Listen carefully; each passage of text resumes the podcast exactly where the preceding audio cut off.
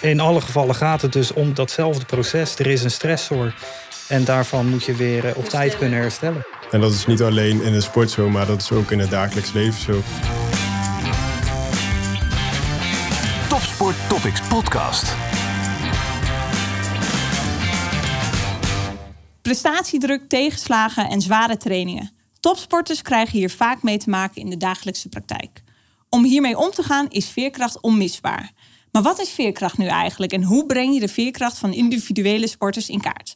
Mijn naam is Nicky Kolman. En ik ben Willem Paul Wiers en je luistert naar de Topsport Topics podcast. Vandaag praten we over veerkracht met Ruud en Hartig en Jur Brouwers. Bedankt dat we bij jullie op de faculteit eh, mochten langskomen vandaag. Ja, welkom. Leuk dat jullie er zijn. Ruud, uh, jij bent universitair hoofddocent talentontwikkeling en creativiteit op de afdeling psychologie van de Rijksuniversiteit Groningen. En je bent projectleider van het onderzoeksproject Resilient Athletes. Ja, klopt. En uh, Jur, jij bent promovendus bij datzelfde project. Ja, dat klopt. Maar Ruud, laten we anders eerst even beginnen met het onderwerp waar we het natuurlijk vandaag over gaan hebben. Want dat is resilience, oftewel veerkracht. Maar waar hebben we het dan eigenlijk over?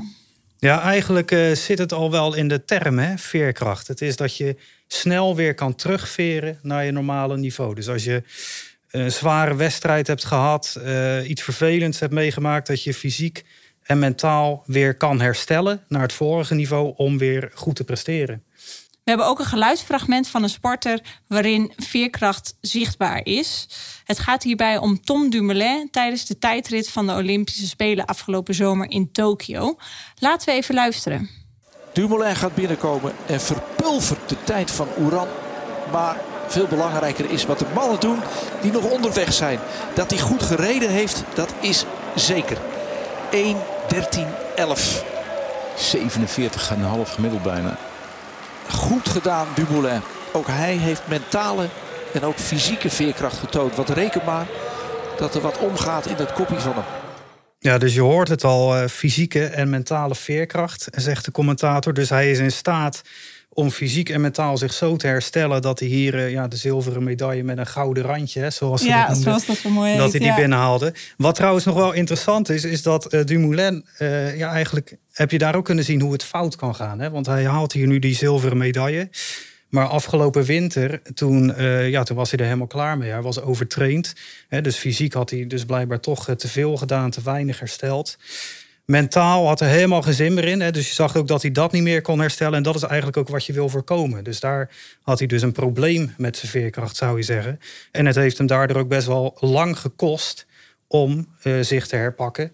En uh, fysiek en mentaal zich zo op te werpen dat hij dit uh, kon doen. Ja, want die commentator die noemt ook specifiek die fysieke en mentale veerkracht. En is dat dan ook echt het verschil tussen de fysieke mogelijkheid om weer terug te veren naar de oorspronkelijke situatie en specifiek het mentale gedeelte? Kun je dat ook echt zo los zien? Of is het echt veerkracht in zijn geheel bestaat uit de mentale en de fysieke component? Ja, ik denk dat laatste. Dus je kan het heel moeilijk los van elkaar zien.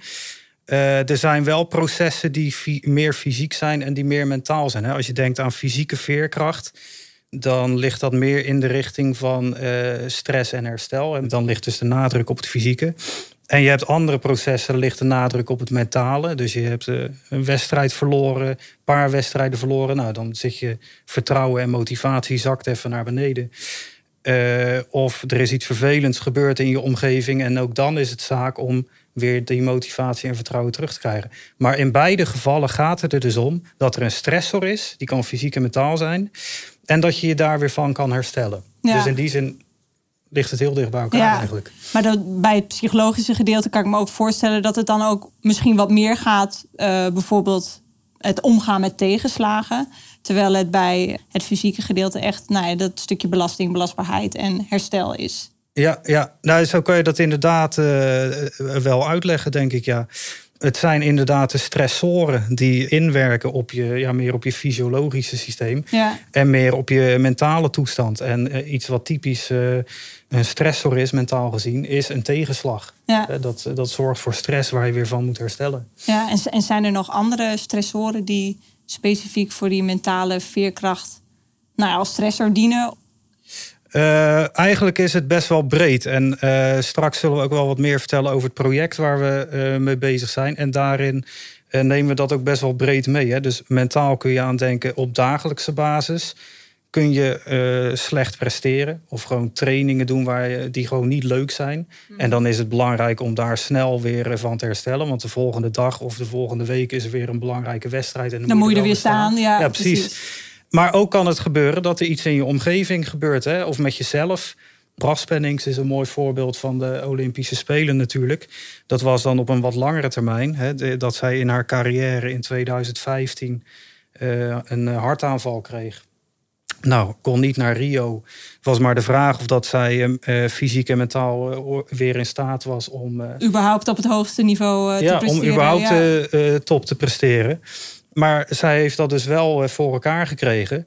Eh, is daarvan hersteld, is daaraan gaan werken en houdt, haalt een prachtige gouden medaille eh, op de keirin. Dus die stressoren, ja, die kunnen op de dagelijkse trainingen en wedstrijden kun je die in vinden. Maar die kunnen ook ja, in je omgeving. Dat kan ook een lange termijn proces eh, Ja, zijn. op de langere termijn in je omgeving met jezelf dat er iets gebeurt. Eh, en in beide gevallen gaat het erom dat je je daarvan kan herpakken.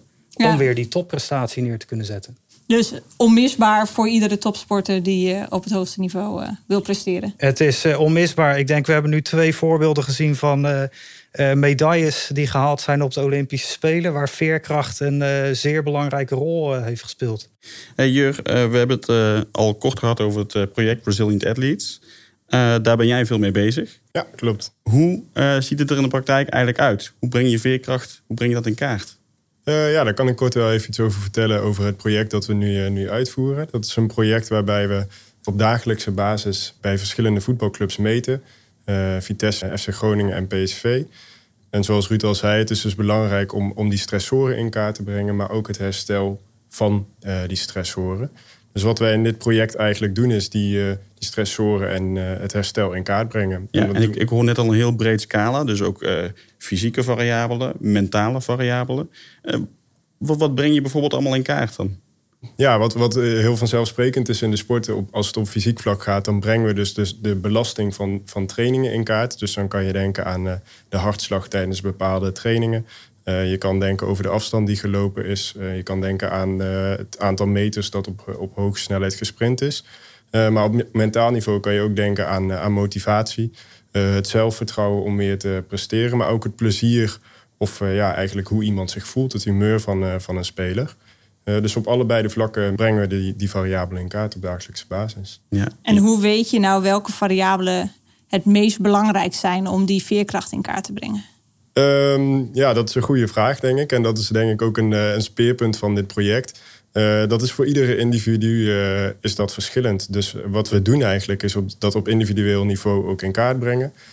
En omdat we dat op individueel niveau doen, kunnen we ook zien wat voor de ene speler belangrijker is dan voor de andere speler. Dus nou ja, voor de ene speler zal een training helemaal niet zwaar aanvoelen. Terwijl voor een andere speler precies diezelfde training het tikje is dat hem eh, uit balans brengt, zeg maar. Ja, Maar dus is het dan met name het verschil in die stressoren of is het hoe de individuele sporter met die stressoren omgaat? Getuigt dat dan van iemands veerkracht?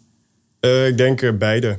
De stressor is voor iedereen verschillend. Hoe iedereen ermee omgaat is voor iedereen verschillend.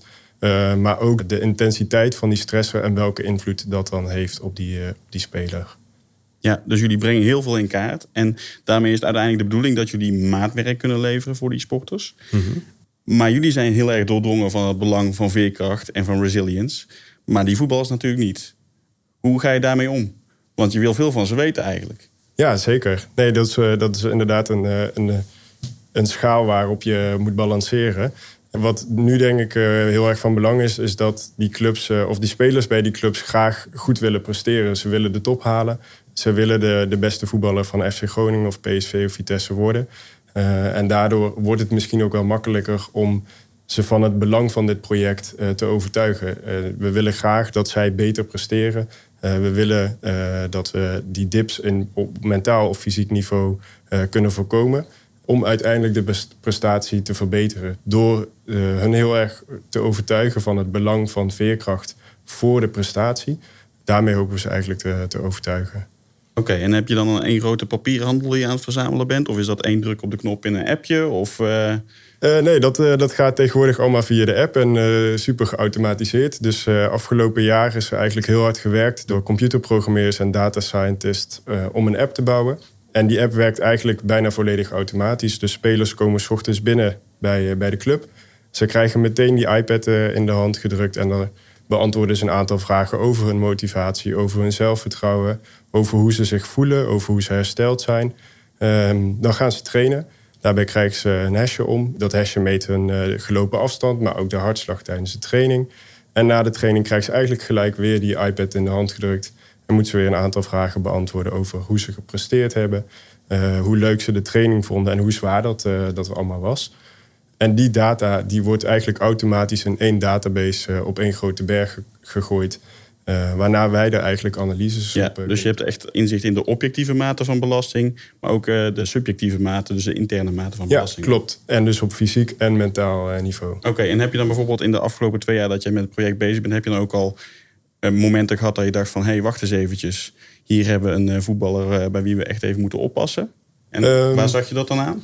Ja, dus nu uh, op dit moment zijn we op het punt dat we gaan kijken naar kunnen we het voorspellen. Dus de analyses uh, uh, ja, beginnen eigenlijk nu pas te draaien. En, en, je bedoelt met voorspellen of je de dips zeg maar kunt voorspellen. Ja, precies. Ja, ja dus dat, dat moment dat het even dat een speler niet lekker in zijn vel zit, of dat hij zich fysiek niet goed voelt zeg maar om te presteren, daar zijn we eigenlijk naar op zoek. Op dit moment kunnen we het wel retrospectief zien, dus we kunnen terugkijken in de tijd eigenlijk. En daar zie je eigenlijk wel hele mooie voorbeelden dat, nou ja, als er eenmaal een blessure optreedt bijvoorbeeld, dat dan ook de motivatie en het vertrouwen uh, zakt. En wat we in, in sommige gevallen ook wel zien, is dat voorafgaand aan dat moment er ook wel dingen in de data gebeuren die erop zouden kunnen duiden dat uh, zo'n dip eraan zit te komen. Ja, en dat is nu vooral uh, terugblikkend nog. En dan straks is het idee dat jullie gewoon van tevoren kunnen zien van... hey, zijn eigenlijk voor deze persoon abnormale waarden op deze en deze variabel als het ware. Dus we gaan eens eventjes met hem over het gesprek aan. Of we laten meer rust nemen of juist extra trainen om die manier in te grijpen eigenlijk. Ja, exact. En, en Ruud, wat is jouw rol binnen dit project? Zit jij dan met name op die psychologische kant als uh, psycholoog ook? Of heb je ook wat meer het brede plaatje in? Uh... Nou, eigenlijk ja, meer het brede plaatje. Dus het, binnen dit project ben ik de projectleider. En Jur is een van mijn promovendi. En die zit dan uh, bij bewegingswetenschappen ja. bij, in het UMSG. En uh, Nicolas Neumann is de andere promovendus. En die zit dan bij psychologie. En uh, op beide projecten ja, begeleid ik ze. Ja. En er zit ook een uh, datawetenschapper, uh, Rens Merhoff, als uh, postdoc op het project. Een computerwetenschapper, Ando Emerentia. Dus het is best wel een breed team. En eigenlijk is het een, een, een samenwerking. Hè? Dus we hebben ook bijvoorbeeld morgen zitten we weer in een meeting. En er schuiven vanuit verschillende disciplines en ook de voetbalclubs en dan FC Groningen, die schuiven ook aan om het, de voortgang te bespreken. Dus eigenlijk in die zin ja, zit ik meer in de managerrol. Maar inhoudelijk ja. vind ik het natuurlijk heel interessant ja. en ben ik er ook heel veel mee bezig. Maar als ik het goed begrijp net, Jur, jouw verhaal, dan gaat het nu met name nog om het in kaart brengen van de dips. Maar hoe verhoudt zich dat dan weer tot hoe spelers daar vervolgens mee omgaan? Um, ja, dus nu, we zijn nu inderdaad bezig met het in kaart brengen. We zijn eigenlijk bezig met het leren kennen uh, van de spelers en hoe ze dus ook omgaan op individueel niveau met die dips. Ja, want ik kan me zo voorstellen, je moet die jongens in het verloop van de tijd moet je die wel volgen natuurlijk. Precies, ja, dat is dus echt een van de, de belangrijkste speerpunten naast het, uh, het individuele aspect, maar ook dat je ze dus lang over de tijd volgt, zodat je eerst te weten komt hoe die speler reageert op uh, bepaalde uh, ja, tegenslagen of stressoren. Ja. Maar ook zodat je weet dat als dat dan gebeurt, die stressoren of die tegenslagen, hoe reageert iemand daar normaal gesproken dan op en wat is dan afwijkend van normaal. Dus wanneer ja, treedt dan zo'n dip in veerkracht eigenlijk op? Ja, want wat, wat zijn dan de verschillen? Wat zie je bij individuele spelers, hoe ze daarmee omgaan? Er zijn eh, denk ik heel veel verschillende voorbeelden te bedenken. Misschien niet een voorbeeld uit de data die we nu hebben, maar afgelopen Olympische Spelen hebben we bijvoorbeeld ook Sifan Hassan gezien op de 1500 meter. Uh, zij viel in die wedstrijd, maar zij won die wedstrijd daarna alsnog. Je kan je ook wel voorstellen dat als het met iemand niet zo lekker gaat, als die veerkracht niet zo goed is, uh, dan kan iemand er ook voor besluiten om uit die race te stappen. Uh, je hebt ook nog een, een, een, andere vorm waarbij je hem toch nog wel uitrent, maar niet meer eerste wordt, zeg maar. Dus dat soort dingen zie je eigenlijk ook gebeuren in, in de data die we nu verzamelen. Dus sommige spelers reageren heel intens op een zware training. Daar is de, de, het herstel heel laag na zo'n training. Maar zie je dat ook wel weer snel opklimmen. Uh, en bij andere spelers is die, die reactie ook heel intens. Maar duurt het veel langer voordat hij weer terug is op dat oude niveau. Ja, dus jullie zijn nu eigenlijk bezig vooral met een stukje die spelers naar leren kennen en opsporen van hey, wanneer zijn er afwijkingen in die data, uh, waardoor we kunnen voorkomen dat deze jongens dat die echt ergens tegen de lamp lopen, om het zo maar te zeggen. Maar je kunt natuurlijk ook voorkomen uh, dat ze blessures krijgen of op een andere manier niet zo lekker in hun vel komen te zitten door die veerkracht te verbeteren. Zijn daar nog bepaalde strategieën voor? Uh, ja, ik denk dat daar op verschillende niveaus wel strategieën voor zijn. Misschien dat Ruud iets kan vertellen over het, uh, het psychologische deel en dat ik dat iets meer op het uh, fysieke deel doe. Ja, wil je, wil je dat ik begin? Nee, dat, ja, nee, dat is een beetje interactief. Ja, nee, dat is goed. ja. nee, op psycholoog, kijk, sommige dingen die zijn best wel heel aards hè, die je kan doen. En die, daar kan je alles bij voorstellen. Als jij gezond eet, drinkt en slaapt, dan kun je meer hebben. En waarschijnlijk ook sneller herstellen. Maar er zijn ook extra dingen die je kan doen. Een van de dingen, ook eigenlijk heel aardig, is dat je voldoende tijd neemt om te herstellen na een tegenslag. Dus neem even de tijd om dat te verwerken en om er weer bovenop te komen. En als coach geef die tijd ook even. In ons eigen onderzoek hebben we ook gezien dat als je gewoon een paar slechte prestaties neerzet en je krijgt een time-out, dan herpak je je gewoon uh, uh, mentaal. Aan de andere kant is het ook wel weer slim om uh, sporters te leren om te gaan met uh, stressoren. Dat ze dus al weten hoe het is als ze daarmee uh, in aanraking komen tijdens een wedstrijd uh, en tijdens een carrière. Dus, en dat hebben we in ons onderzoek ook wel eens gedaan. Dat, en er waren bijvoorbeeld roeiers en fietsers die moesten dan tegen elkaar opnemen op ergometers. En dan zeiden we tegen een van de twee dat ze het slechter aan doen waren dan de ander. Terwijl dat helemaal niet zo was. Nee. Maar goed, dat dus zijn wel situaties. Ja, ja, precies. Die, die leg je dan ja. op. En dat zijn wel situaties waarin je wil dat ze eigenlijk. Nou, je mag er best wel even van balen. Maar vervolgens moet je je wel weer herpakken. En je wil dat ze dat ook doen in wedstrijden. Dus dan ja. kan het juist goed zijn om uh, dat ook alvast uh, in de trainingen wat op te leggen. En het uh, mooie is dat als je kijkt naar. Nou, de allerbeste sporters. Hè, dus dan denk je bijvoorbeeld aan Michael Phelps de beste Olympier ooit. Die gaat er ook actief al mee aan de gang in zijn hoofd. Ja. Dus die gaat al allerlei scenario's doornemen in zijn hoofd. En daar hebben we ook een geluidsfragment bij. Along with his coach Bob Bowman, Phelps has extensively trained himself to visualize and plan for both good and bad outcomes. He's the best I've ever seen, and maybe the best ever in terms of visualization. He will see it exactly the perfect race, and he will see it like he's sitting in the stands, and he'll see it like he's in the water. And then he will go through scenarios what if things don't go well? You know, if my suit ripped or if my goggles broke. Ja, dus dat is heel interessant. Hè?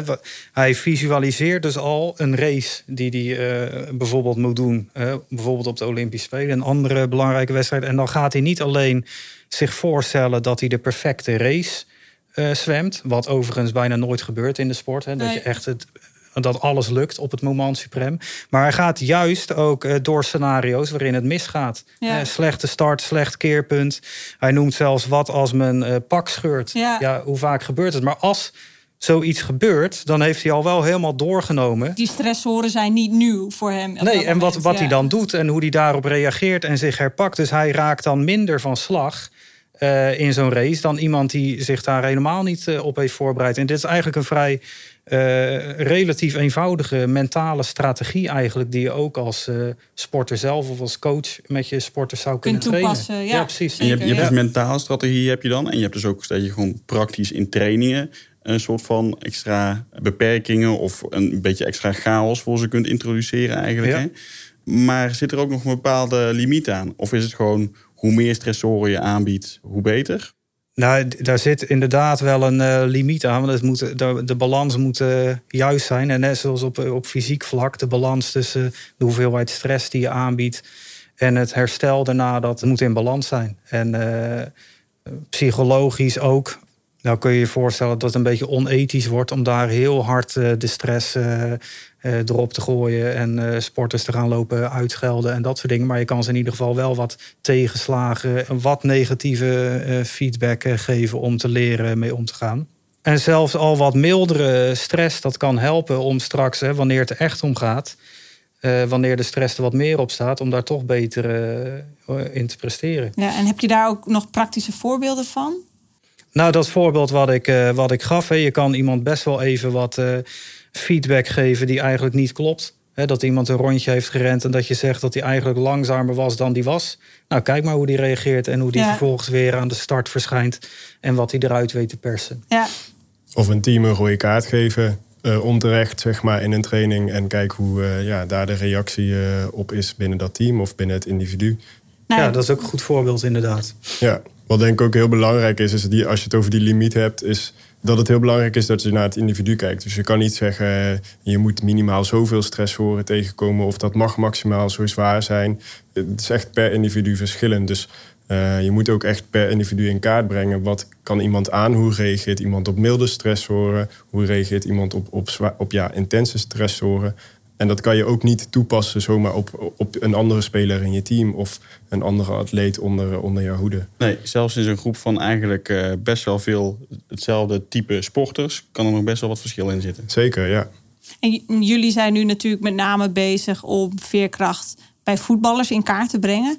Denken jullie ook dat dat nog weer verschillend is tussen bepaalde sporten of disciplines? Ik denk, eh, ja, het zal, het zal verschillen tussen disciplines. Maar tegelijkertijd is het mooie ook weer dat het een eh, concept is dat relevant is voor alle. Sport overstijgen Ja, dat het ja. voor alle disciplines relevant is. Ons project eh, zoomt nu heel erg in op voetbal. Een van de redenen is ook dat daar al heel veel gemeten wordt. Hè. Als we hier naar FC Groningen gaan, dan is daar een veld waar al een heel systeem geïnstalleerd is om spelers te volgen, om die belasting op het veld in kaart te brengen. Eh, spelers waren al gewend aan het invullen van vragen voor en na trainingen. Dus op die manier konden we vrij goed eigenlijk ons hele idee eh, in samenwerking met zo'n club eh, implementeren. Maar het is zeker ook relevant voor, voor andere sporten. hè. De vol- voorbeelden die ik gaf, nou, die gingen dus over zwemmen, Ja, over fietsen, hardlopen, Sifan Hassan. ja.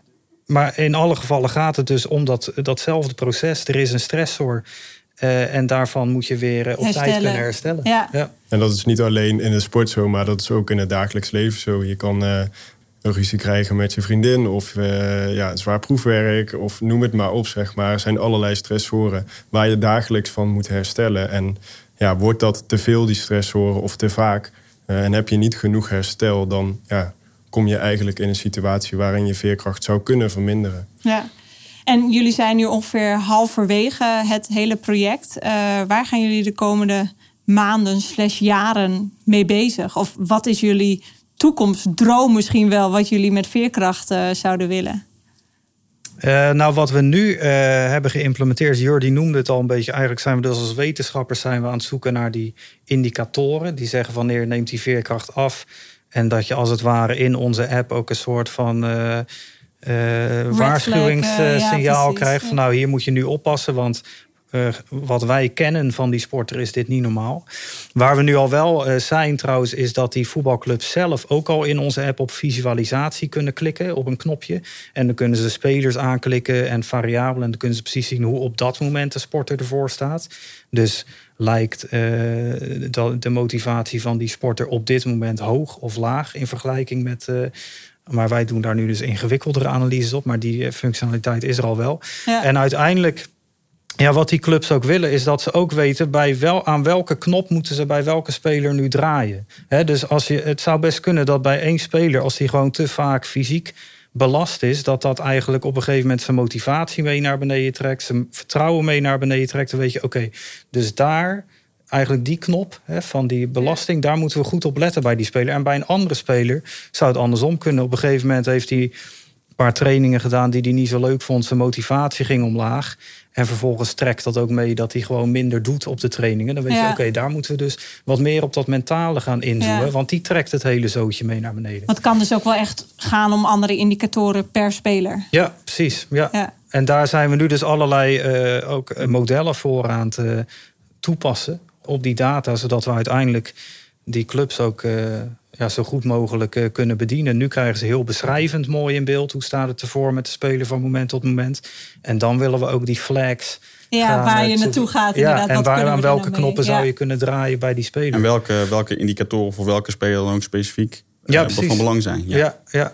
Ja. op dat specifieke moment. Want dat kan op het ene moment ook iets anders zijn dan het andere me- moment. Ja. Net eh, afhankelijk van wat er op dat moment gaande is. Ja, dus het is niet makkelijk. Zoals Nee, je hoort, maar het is wel, zeggen, het is wel eh, een mooie uitdaging. En we zijn echt al best wel een eind eh, in de goede richting. We, als, ik, ja, toch, als we kijken wat we hebben eh, neergezet de afgelopen jaren... met dat al die gegevens bij elkaar gebracht kunnen worden... automatisch geanalyseerd kunnen worden.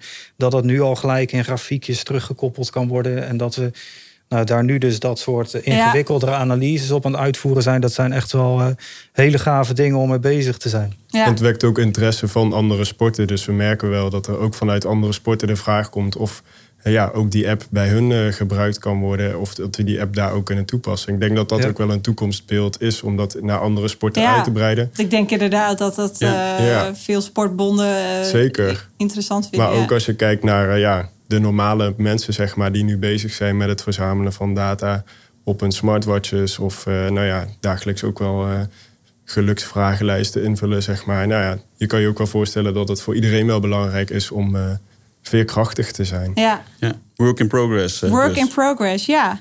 Ik denk dat dit een mooie afsluiting is. Dat eh, denk ik ook. Ja, dankjewel eh voor jullie tijd. En wil je nou meer weten over wetenschap en sport? Ga dan naar topsporttopics.nl en volg ons op sociale media. Topsport Topics. De schakel tussen wetenschap en sportpraktijk.